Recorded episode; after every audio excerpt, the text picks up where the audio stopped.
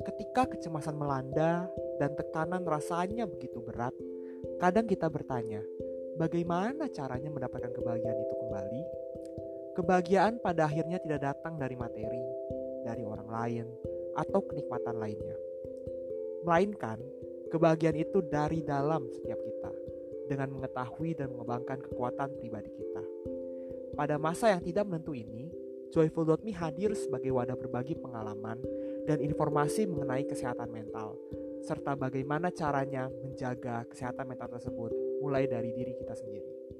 Setiap minggunya kita akan sama-sama berbagi keresahan dan keluh kesah yang dirasakan setiap harinya, serta saling mengingatkan satu sama lain. Dengan Joyful.me, mari sama-sama pulih, bertumbuh, dan berbagi.